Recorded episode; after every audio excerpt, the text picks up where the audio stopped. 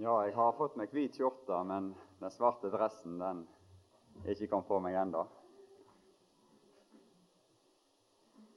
Nå eh, var det en som sa til meg her at uh, det var liksom eh, pedagogisk riktig da å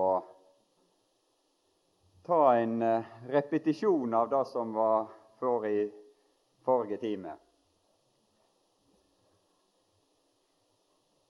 Men uh, da må jeg dessverre skuffe forsamlingen at det blir ingen repetisjon av gårsdagens uttrykk.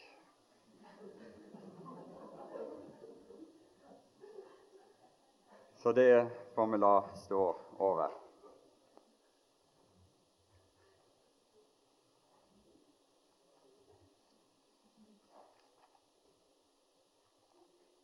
Vi skal lese i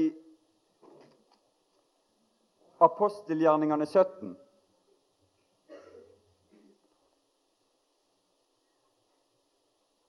Og I vers 16 så står apostelen Paulus omgitt av avguder.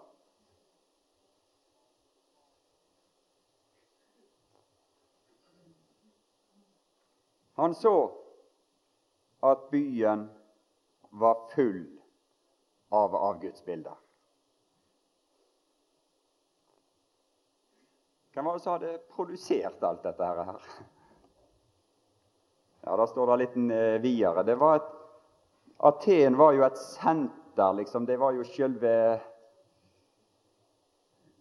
Kan du si senteret for det ypperste av menneskelig kløkt og visdom i denne verden.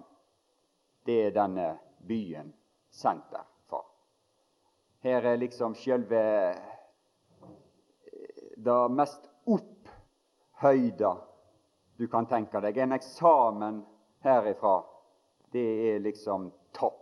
Noe videre er det ikke å komme i denne verden og denne verdens visdom. Og det som var blitt til og var blitt produsert ut av alt dette, det var en fylde, en uendelighet og av variasjon i avguderi, avgudsbildet. Her står uh, nevnt noe slike ismer i, i, vers 18. Og Her er jo en uendelighet med ismer i denne verden, og her står nevnt et par av dem. Og Så kan du jo sjøl ta bryderiet hvis du vil gå i et leksikon og finne ut hva disse epikureiske og stoiske vismenn hva de lærte og sto for. Det tror jeg vi ikke har tid til å gå inn på akkurat her. Det er liksom eliten av denne verdens idéskapere, filosofer og religionsstiftere som eh, her hadde sitt sete. Visdomslærere, som det står. Alle ismers opphav, om du vil, er dette et uttrykk for. Og så står apostelen Paulus midt i dette her. Hva er det han bedriver? Det står i slutten på vers 18. Hva er det de trenger her? Hva slags budskap er det som trengs midt inni et sånt miljø? Han forkynte evangeliet om Jesus og oppstandelsen. Det han høsta, det står litt om på slutten her, det var spott. Så var det noen som var litt mer velvillige, da. Som eh, var villige å høre litt mer. Så var det noen ytterst få på slutten her i dette kapittelet som kom til troen.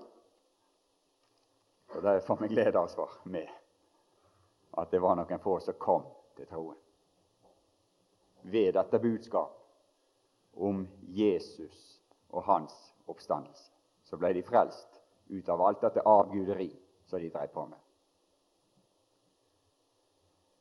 Ja,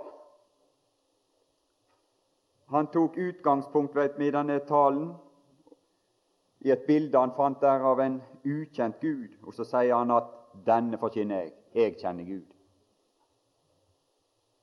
Det er litt av en frimodighet en mann står framme i dette selskap.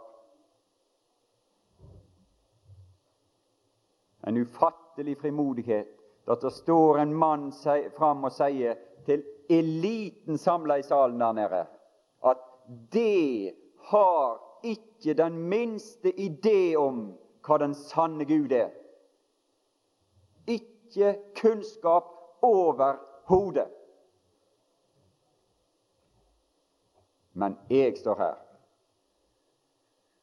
og forkynner den sanne Gud.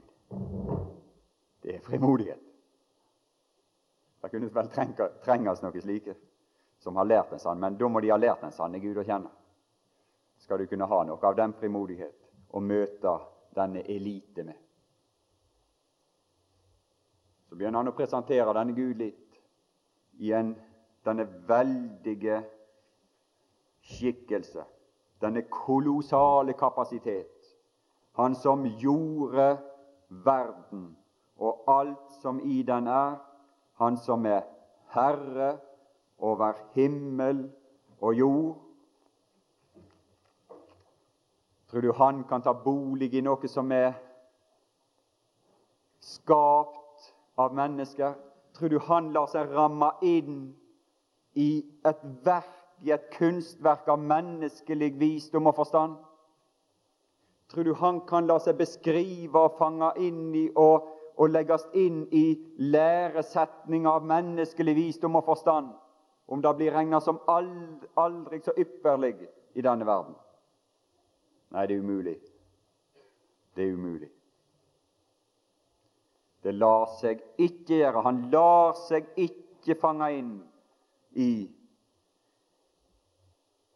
gull eller sølv eller sten, billedverk av menneskelig kunst, og heller ikke noe slags form for ideer eller historie eller filosofi og tanke. Menneskelig kunst og tanke som de sto for, disse som han talte til. Det lar seg ikke gjøre.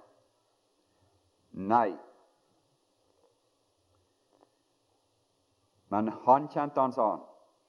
Det kjenner han ikke, men jeg kjenner han. Og så taler han litt mer om denne Gud, sitt forhold til folkene over hele jorderik, i vers 26. Og så sier han litt om denne Gud. Han sier litt hva denne Gud er interessert i. For denne Gud er nemlig interessert i folkene. Han er nemlig interessert i menneskene.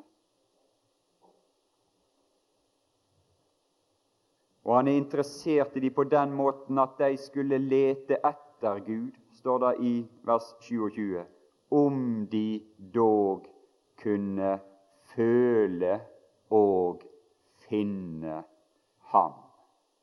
Og ordet 'føle' der, det betyr å ta på, egentlig. Å ta på Han med sine hender.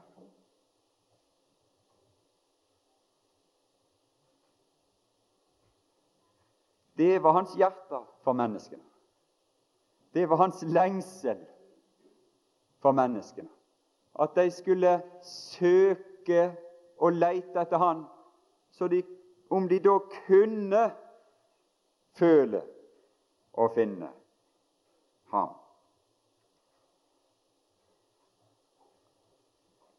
Men det som menneskene av sin søken og leiten førte til, det var var ikke noe vei i denne retning her. Men de kom til å produsere en verden full av avgudsbilder, og de blei i vers 30 totalt vankunnige om Gud. Vankunnighetens tider.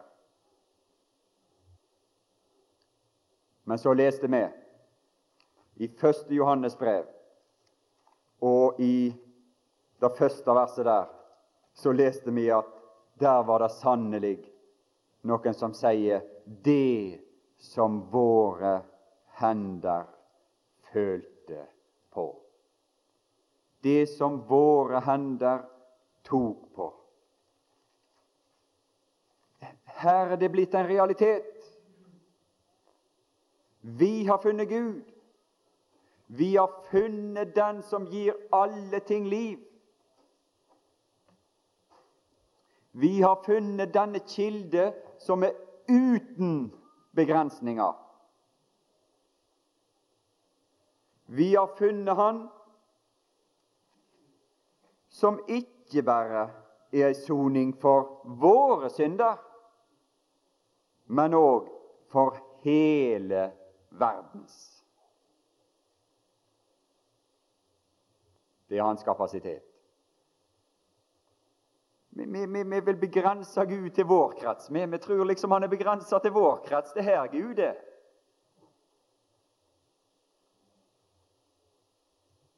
Nei, men òg for hele verden.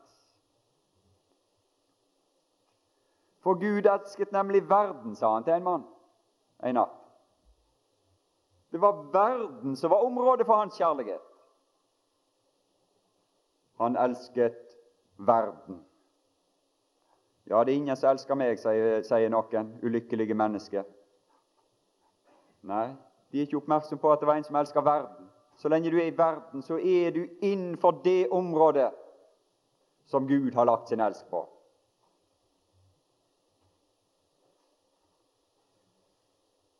Og Når du går ut i Johannes 4, og i det 42. vers, og du ser en samaritansk by, og en mengde folk kommer ut fra denne byen, som vi hadde fått ei kvinne sitt vitnesbyrd, så ser du en ufattelig erkjennelse.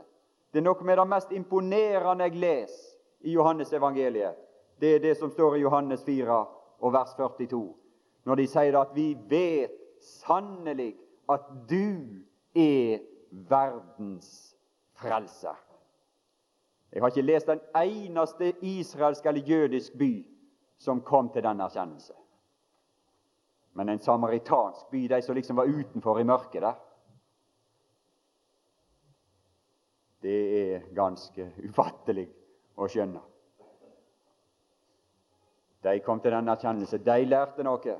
Du er sannelig verdens frelser. En by. Det er dette lys som Paulus stiller disse atenske menn, disse, disse liksom staute menn der i Aten, disse lærere, disse visdomslærere, som gikk der og bare diskuterte. Han stiller de overfor dette veldige lys. Og så sier han det at denne Gud byder nå menneskene at de alle, alle steds skal omvende seg. Det er hans bud. Det er hans bud. Det er øverstkommanderende som gir sin kommando. Det er generalen over alle generaler som har gitt sin ordre, sin kommando. Omvend deg! Og det fatale og forferdelige konsekvenser av å ikke adlyde det bud og den kommando. Det medfører grufulle ting å ikke adlyde øverstkommanderende sin ordre. Han befaler. Han byder menneskene at de alle, alle steds skal omvende seg ettersom han har fastsatt en dag da han skal dømme verden med rettferdighet ved én mann. For det er én mann han har overgitt dommen til fordi at han dømmer rettferdig. Og Det er den eneste mannen i denne verden som har full oversikt, og derfor er han den eneste som kan dømme rettferdig. Det finnes ikke noen annen. Som en sa, at han var ikke i stand til å dømme om de usleste små saker. Når barna hans hadde en liten krangel, så hadde han så liten innsikt i det som hadde foregått i og før og under den krangel, at han var ikke ennå til i stand til å skifte sol og vind og regn mellom sine egne barn på en rettferdig måte. Men det er én som har innsikt og oversikt og til, til den minste detalj, som han skal dømme verden med rettferdighet. Og han har bestemt han til dette etter at han gitt fullgodt bevis for alle, også for disse visdomslærere, ved å oppreise han ifra de døde. Guds hjerte overfor menneskene var om de da kunne føle og finne Han. Og denne hensikt ser vi realisert, den ser vi virkeliggjort, den ser vi konkret erfart i 1. Johannes 1,1. Det som står der, er et resultat av ei fullbyrda gjerning ifra Guds side gjennom sin sønn. Nemlig det han sier i Johannes 17 vers 2, at Faderen hadde overgitt han alt. Han hadde fått overgitt alt. Han hadde gitt han makt over alle ting. Og så ser vi han utøver sin makt i Johannes 17, 17,2. Her er maktutøvelse. Ja, her er et maktmenneske. Her er det eneste mennesket som skal få det vitnesbyrd, og den skal få den tiltale ifra alle i alle leirer en dag at du er verdig til å ha makt. Det er det eneste mennesket det er ikke en eneste annen som får den tiltale og får den hyllest i himmelen i evigheten, at de er verdige til å ha makt. Ikke engang Paulus, ikke engang Johannes, ikke engang den elskelige apostel får den tiltale. Men du er verdig til å ha makt. Han har gitt han makt for at han skal gi evig liv til alle de som du har gitt ham. Det er maktutøvelse. Å gi evig liv. Og her er det den nye art av liv. Jo, eh, Paulus talte i apostelgjerningene 17 til disse om Gud som gir alle liv, som ikke trenger noen av noen. Som om Han trenger noe ifra oss. men Han som gir alle liv og ånd og alle ting. Og her er dette liv kommet inn i første Johannes 1, men det er en annen art av liv enn det naturlige liv som vi ser røre oss her. Det er nemlig det evige liv. Det evige. Det evige liv. Du har gitt en makt for at han skal gi evig liv. Og det er dette liv som blir åpenbart her. Livet blir åpenbaret, og vi har sett det og vitner og forkynner dere livet. Det vil si ikke, ikke dette alminnelige liv, men livet det evige, som var hos Faderen, men er blitt åpenbart for oss.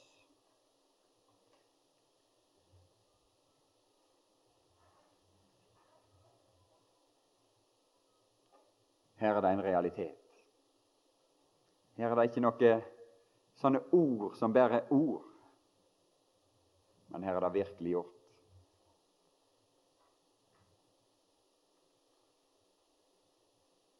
Det er det som jeg syns er så godt med disse skrifter her, at vi ser gjennom disse skrifter og den virkning som Guds ord hadde på mennesker, den, den ser vi, kan du si, synliggjort gjennom disse personer som vi leser om her i Det nye testamentet. Vi ser hvordan Guds nåde kunne omvandle Paulus til den han ble, med et hjertelag og en iver som, som, som ble av den samme art som det som var i Gud. Det samme hjertet, den samme art av det som var i Gud. Og vi ser hvordan han her samfunnet med han har omforma denne apostelen Johannes til å bli av den, noe av den samme art som han. Noe av det samme sinn, den samme glede, den glede som var i han. Som er den fullkomne glede. For når han gikk rundt om i verden, så var han bærer av den fullkomne glede. For at min glede, sier han, skal være i dere. Og Dette er ikke noen sånne fine ord, noen sånne veldige løfter, men det er det. Det er både fine ord og veldige løfter. Men vi ser at det er ikke noe sånn urealistisk, noe sånn uoppnåelige saker. For vi ser da her at dette, dette, dette er blitt virkeliggjort i mennesker som har samme som er av samme liksom, kjøtt og blod som du og meg. Og det er det som gir, gir oss slike forhåpninger. Men vi må gå nok av den samme vei som disse gjorde. Og så må vi sette oss ned og la oss betjene av det vitnesbyrd og den forkynnelse som disse har, for at de skal bringe dette samfunn, det som de har fått tak i, videre inn i oss, så skal det skal bli en del av oss.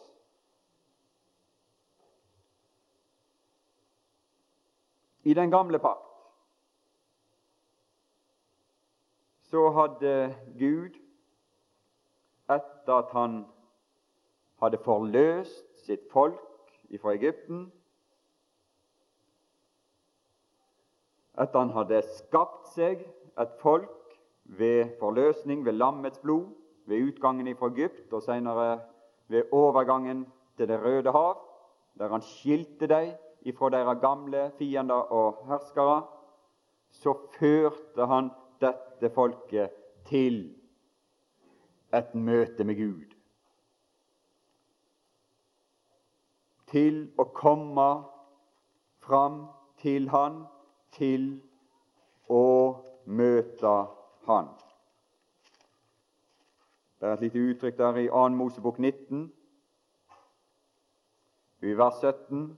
Men Moses førte folket ut av leiren til møte med Gud, og de stilte seg nedenfor fjellet. Hva var det dette møtet skulle gå ut på? Hva var det som skulle skje på dette møtet? Det er noen som driver og annonserer møtet og sier på forhånd hva som skal skje. Men det var noe som skulle skje i dette møtet. Hensikten med dette møtet var at de skulle høre, at de skulle se, at de skulle skue, at de skulle oppleve noe der, at de skulle få overlevert et budskap, et bud. Og at de gjennom disse ting skulle bli istandsatt til å leve et liv som Guds folk under nye i et nytt land, sammen med Gud, som Guds folk i det lovede land, omgitt av hedningefolk. Det var det som var hensikten med dette møtet. Det var egentlig for å få fram ei sak som er sagt slik og uttrykt slik av den Herre Jesus at du skal elske Herren din Gud med dine følelser. Ja, men du skal elske Herren din Gud av alt ditt hjerte og av all din sjel og av all din hu, av alt ditt sinn. Det er det første, og det er det største, sier han. Men så er det et som er like stort. Og du skal elske din neste som deg selv.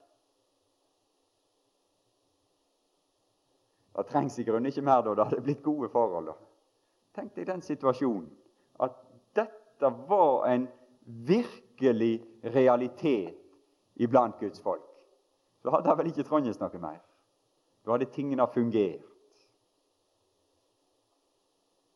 Elska Gud. Så hadde det vært en bevarende kraft i deres liv fra alt avguderi og alle fristelser som lå i omgivelsene deres, i de folk som de møtte på sin vei, og som de kom i kontakt med. Og sin neste som seg selv, så hadde de ikke behøvd andre lover og forordninger iblant folket der. Du kan si at det var slags ja, det, det, det var en slags hensikt. Det var det som på en måte var hensikten. Det var å skape disse kvaliteter i hans folk. Og disse to ting, disse to bud, disse kongelige, dette, dette som stiger over alt Dette kongelige bud etter loven, som det står tale om, de henger uløselig sammen. Du kan ikke liksom kutte de to og så si at 'nei, jeg vil elske Gud', og så får overlate ut en annen og elske nesten. Det går ikke an. Umulig, det. For de henger uløselig sammen. Bare, bare, ta bare, ta en, ting her nå. Nå må vi inn i 1. Johannes brev, som, på mange måter, som har noen slags paralleller til dette. I vers, kapittel 3 og vers 17 I kapittel 3 og vers 17 så står det Men den som har verdens gods og ser sin bror ha trang og lukker sitt hjerte for han, hvorledes kan kjærligheten til nesten bli i han?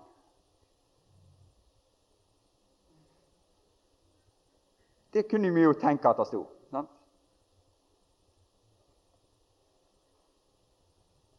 Men det står ikke det. Det står 'hvorledes kan kjærligheten til Gud bli i Han'? De er uløselig knytt sammen, disse to tingene. Å elske Gud og elske nesten. Du kan ikke gjøre det ene og ikke det andre, eller omvendt. La seg ikke gjøre det. Umulig. Hvis jeg er sånn at jeg har den muligheten, en bror, og ser det behovet, og har den muligheten, og så lukker jeg mitt hjerte for Han så lukker jeg også mitt hjerte for Gud.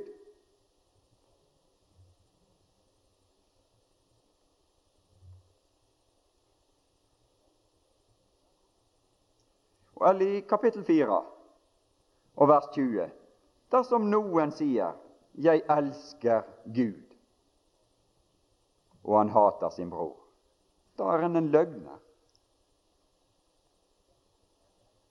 For den som ikke elsker sin bror, som han har sett. Hvorledes kan han elske Gud som han ikke har sett?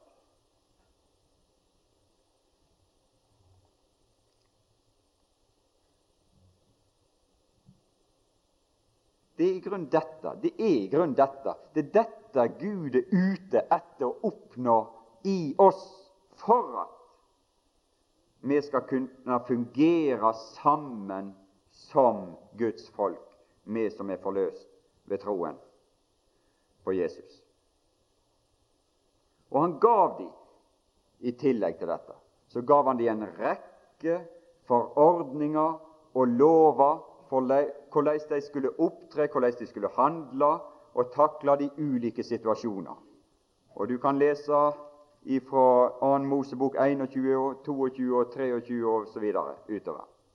Så kan du bare se på det uttrykket 'når noen gjør ditt, og når noen gjør datt. Det er fullt av synder utover her. Når noen gjør ditt, eller når noen gjør datt, det er synder av alle slag som er beskrevet. Og alle disse synder har det til felles at de er urettferdige, at de er lovbrudd. Og noen av disse synder er også av en slik art at de er til død. Det kan du lese. Jeg vil ikke ta meg tid til å lese det her. Og Det er noe av dette med Finn òg i slutten på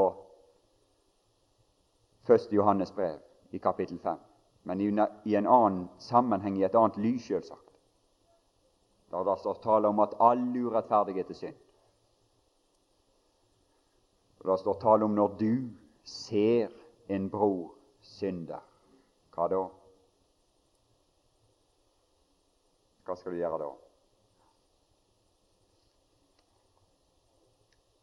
Og Det står tale om to synder. Det står tale om synd som er til døden, og da står tale om synd som ikke er til døden. Det er ulik På en måte, om du kan si det sånn, så er det her nevnt en slags ulik art av synd.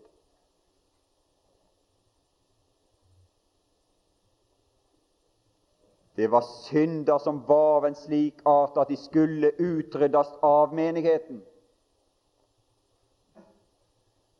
Men det var andre synder som ikke var av en sånn art at de skulle utryddes av menigheten.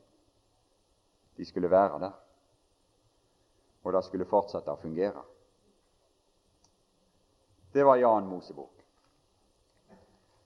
I femte Mosebok så utlegg apostelen Moses, vil jeg kalle han for. Altså At Moses var en apostel, det kan du lese i Hebreabrevet. Han blir kalt for deres apostel i Hebreabrevet 3. Det står, ikke, altså det står ikke direkte sånn liksom at Moses var deres apostel, men du kan lese ut av Hebreabrevet 3 og forstå ut av Hebreabrevet 3 at Moses er deres apostel, like som Aron var deres ypperste prest. For det står tale om apostelen og ypperste presten. Og I Hebreabrevet er det apostelen som taler i begynnelsen, før ypperste presten kommer inn i slutten på kapittel 4. Før det er det apostelen. Og det svarer til Mosetjenesten, og ypperste presten svarer til Arons tjeneste, men ikke etter Arons vis, som vi leser. Men det skal vi la ligge nå. Her er det apostelen som vitner for folket. Hva slags folk er det han vitner for? Han som har vært øyenvitne. Han har vært øyenvitne til forløsningen. Han har vært øyenvitne til lammets blod. Han har vært øyenvitne til ferden over Det røde hav og oppgangen der på den andre sida. Han har vært øyenvitne til de store forferdelige undergjerninger og de store ting som Gud gjorde. Disse veldige ting og disse veldige gjerninger og disse veldige under som Gud gjorde med sitt folk deri fra begynnelsen. Alt dette hadde han vært øyenvitne til. Og han framfører dette som et vitnesbyrd, som en utleggelse av disse ting. Hvem er det han snakker til? Ja, av den forsamlingen han hadde, så det er bare et bitte, bitte lite fåtall som har vært øyenvitner til det samme. De aller, aller fleste av de som han taler til, de var enten født ute i ørkenen, eller de var så små at de hadde ikke sanser og evne og forstand hadde nær sagt, til å være med i de opplevelser som, eh, som lå forut med utgangen fra Egypten osv. Men det som er interessant, syns jeg, det er at når Moses taler til dette folket, så taler han til det som om de er med i samme opplevelsen. Han fører de på en måte inn i det samme. Han fører de med sitt vitnesbyrd tilbake til de historiske begivenheter. Og det er det som er et vitne. Et vitne, det er en som beskriver de historiske begivenheter på en sånn måte at disse historiske begivenheter, om du kan si, blir flytta inn i salen og blir på en måte en reell opplevelse for de som er i salen. Et vitne det er et rettsuttrykk. Det er noe man bruker i rettssalen. Man framkaller et vitne for at det vitnet skal ut skal foreta en beskrivelse som gjør liksom at det som har hendt, blir flytta inn i salen og blir opplevd og forstått og erkjent av de som sitter i salen, i rettssalen. Det er det som er et vitne. Og han tar seg for det, og han begynner å vitne, og han begynner å utlegge for disse, for å føre disse inn i disse historiske begivenheter. At disse, disse liksom blir opplevd også av deg. Dette forkynner vi, dette vitner vi, for, å, for, for, at også dere skal ha samfunn med oss. For å ta dere med inn i samme opplevelse.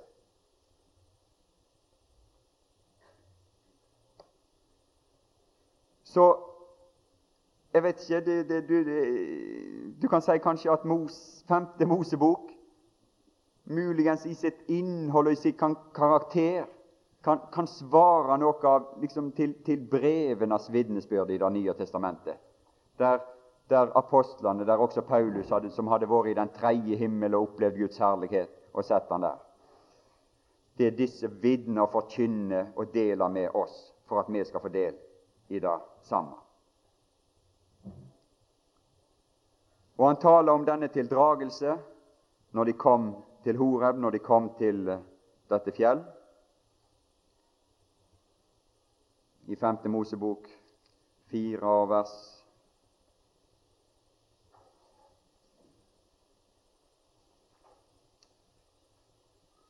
Ni. Vokt deg bare og ta deg vel i akt at du ikke glemmer det dine øyne har sett, det dine øyne har sett, det som vi har sett.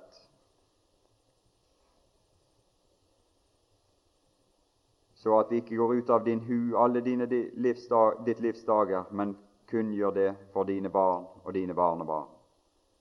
Det du så den dag du sto for Herrens din Guds åsyn ved Horeb, da Herren sa til meg, kall folket sammen for meg, for at jeg kan la dem høre mine ord, det du har hørt. Og han taler videre i kapittel 5 så gjentar han noe av det samme, utlegg noe av det samme. Og I vers eh, 23 så står det at om de hørte røsten. Og i vers 24 så sa de, Se, Herren vår Gud har latt oss skue sin herlighet og sin storhet, og vi har hørt Hans røst midt ut av ilden. På den dag som vi har vi sett at Gud kan tale med et menneske, og det allikevel blir i liv. Dette er i grunnen en veldig lang tale, en veldig lang opptreden som Moses har framfor folket, og han ender hele sin tale, eller hele sitt, sitt budskap, om du kan si, si med dette, at han har legg framfor dem. Sjå, jeg har lagt framfor dere livet og døden. Det er to utganger på dette. Det er to måter å ta imot dette vitnesbyrd på. Det er to måter å forholde seg til dette mitt vitnesbyrd på. Sjå, jeg har i, i, kapittel 30 vers 19 Jeg tar i dag himmelen og jorden til vitne imot dere. Livet og døden har jeg lagt frem for deg velsignelsen og forbannelsen. Og når du ser, og det står tale om, om vitnesbyrd og vitne om livet i 1. Johannes, så, så har du det samme der, at det er et vitne som står der, og vitnesbyrdet fra Gud. Og her er det Gud sjøl som vitner. Og her er det Gud sjøl som taler og i vers 9 står det tar vi imot menneskers vitnesbyrd. Da er Guds vitnesbyrd større. Og dette er Guds vitnesbyrd, at han har vitnet om sin sønn. Og i vers 11 der, og dette er vitnesbyrdet, at Gud har gitt oss evig liv, og dette livet er i Hans sønn. Den som har Sønnen, han har livet. Den som ikke har Guds sønn, han har ikke livet. Hva har han da? Han har døden.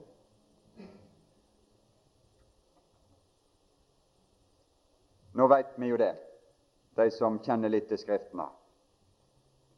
Vi veit det at Israel, for Israel så ble jo ikke dette et resultat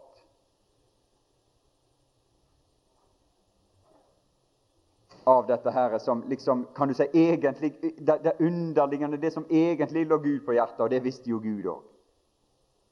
For skjønt Gud sitt hjerte og Gud sin lengsel var at hans folk skulle komme fram til han der for å føle, eller om du vil ta på han og finne han til liv, så måtte han holde seg skjult for deg.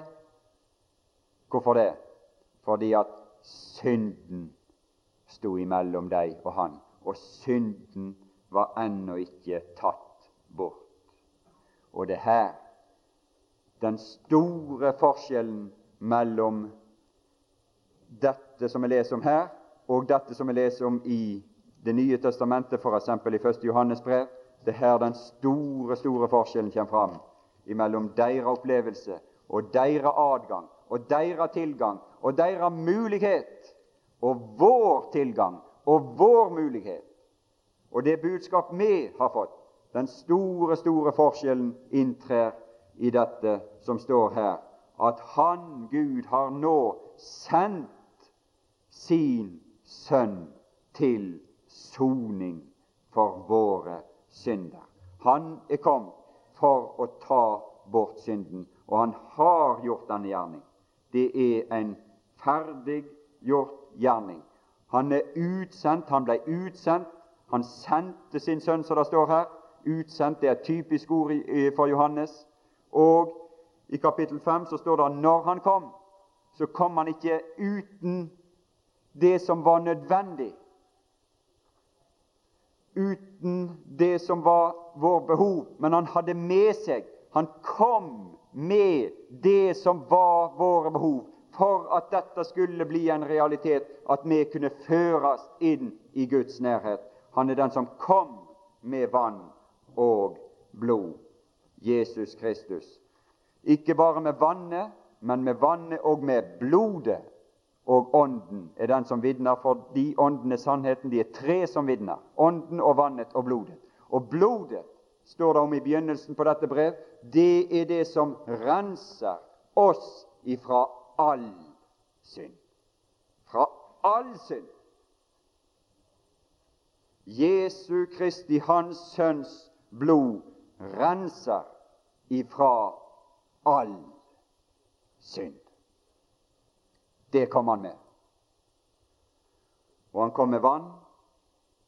Det står tale om også en renselse i kapittel 3, og da står det tale om å rense seg selv. Og uten at jeg kan begrunne det nå, så tror jeg det er noe slik at, at det som renser, det som er renselsesmiddel i kapittel 3, tror jeg, og, og, tror jeg også skal kunne belegge det, om jeg får tid til det, det vet jeg ikke, men det må ha noe med vannet, dette vannet som han kom med å gjøre. Og Vann blir brukt til renselse. Og du vet, Han brukte det sjøl. Han talte om, om, om, den som var badet, som var ren. Og så taler han om at den som er badet, han er ren over det hele. Men han trenger til, han, og han trenger til å rense, han trenger til å vaske sine føtter for at han kan leve og fungere i samfunn med den Herre Jesus inn i dette samfunnet her, inn i denne nærheten, inn i fram til dette syn, der, der Hans ord, der, vi skuer Han, der vi er så nær at endatil våre hender følte på Han. Du kan aldri gå fram der. Han kunne ikke være der. Han måtte gjøre dette i, i, i, i Johannes 13. Det var noe han sto opp, han reiste seg, han bandt opp om seg, og så for han runden. Han sa det var nødvendig, det måtte til for at de skulle kunne leve i samfunn med han. Du har ikke noe samfunn med meg, du har ikke del med meg, sa han til Peter, hvis ikke jeg gjør dette. Det her, Og så sa han at dette gjorde han, men nå skulle de fortsette med denne gjerning, sier han videre. Og hver den som har dette håp til ham, han renser seg selv like som han, eller like som det, kunne det godt stått, er rent. Det er det samme det som det står er helt her fra begynnelsen. Det, det, dette livets ord, det er denne personen, det er Jesus, som det hele dreier seg om. Og det er ved dette, dette liv som han har, og så har du Ånden, Guds ånd, som han har lagt tatt bolig i oss, og som vitner i oss, som vitner om det evige liv. Guds ånd vitner med vår, vår ånd. Og så, så er dette vitnesbyrdet i kapittel 5 flytta inn i oss, så han har vitnesbyrdet i seg selv. Vitnesbyrdet om evig liv. Den som har Sønnen, har livet. Evig liv. Og Det er ved dette vi altså er ført til et møte med, med, med, med Gud, åpenbart i kjød, ikke som Israel. Og så eh, skal jeg bare ta bitte litt her, som en liksom eh, for, skal muligens si litt mer om det seinere, da. Men tiden er gått nå. For det står her i Hebreabrevet 12 og i vers 18 Og det som er bakgrunnen for dette vers 18 her, det er en, om du kan si, formaning. Det er en oppfordring. Det er en advarsel at ikke noen sjå til og gi akt på og være oppmerksom på, står det i vers 15, at ikke noen viker tilbake for Guds nåde.